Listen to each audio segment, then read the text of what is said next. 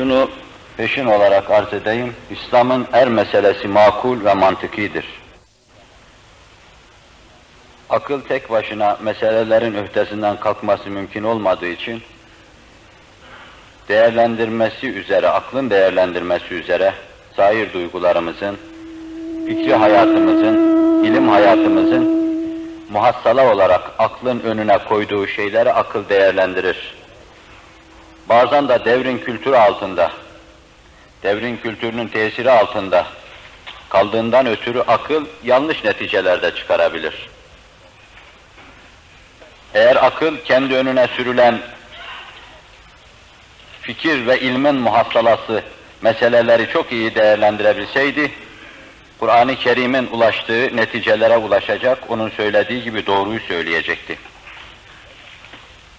Ne zaman insanlar fikirlerini, ilimlerini, düşüncelerini bir araya getirecekler, ilmin yanılmazlığı, yanılmamazlığı, fikrin yanılmamazlığı ve aklın hakemliği, rehberliği altında bir kısım meselelerde nihai neticelere varacaklar, muhkem kaziyeler halinde beşere takdim edecekler. O zaman ilmin ulaştığı nokta ile Kur'an-ı Kerim'in söylediği şeylerin birleştiğini göreceğiz. Onun için şimdiden bir kısım ilmin nihayet hüdudu saydığımız kanunların, kaziyelerin Kur'an-ı Kerim'in söylediği şeylerle şayet aralarında bir uyum yoksa, mutabakat yoksa, buradaki eksikliği Kur'an-ı Kerim'e, vahyi semaviye değil, aklın henüz ulaşması gereken yere ulaşmamasına vermek iktiza eder.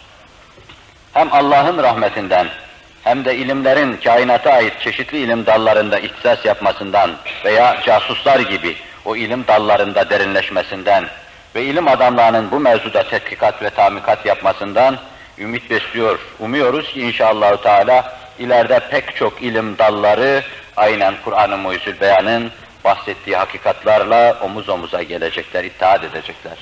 Çünkü menşeede esasen ayrı değildir. Zira kevn Allah'ın kevnidir.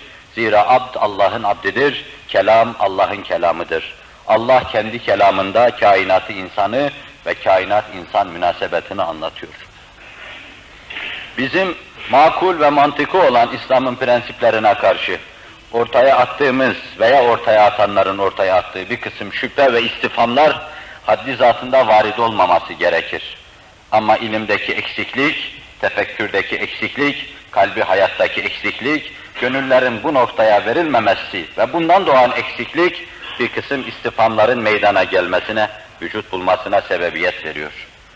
Ben devrin, ilminin, kültürünün ulaştığı bir noktaya ulaşmış insan olmadığım için bu noktada arz edeceğim şeylerin eksiği, gediği la yuad ve la yuhsadır.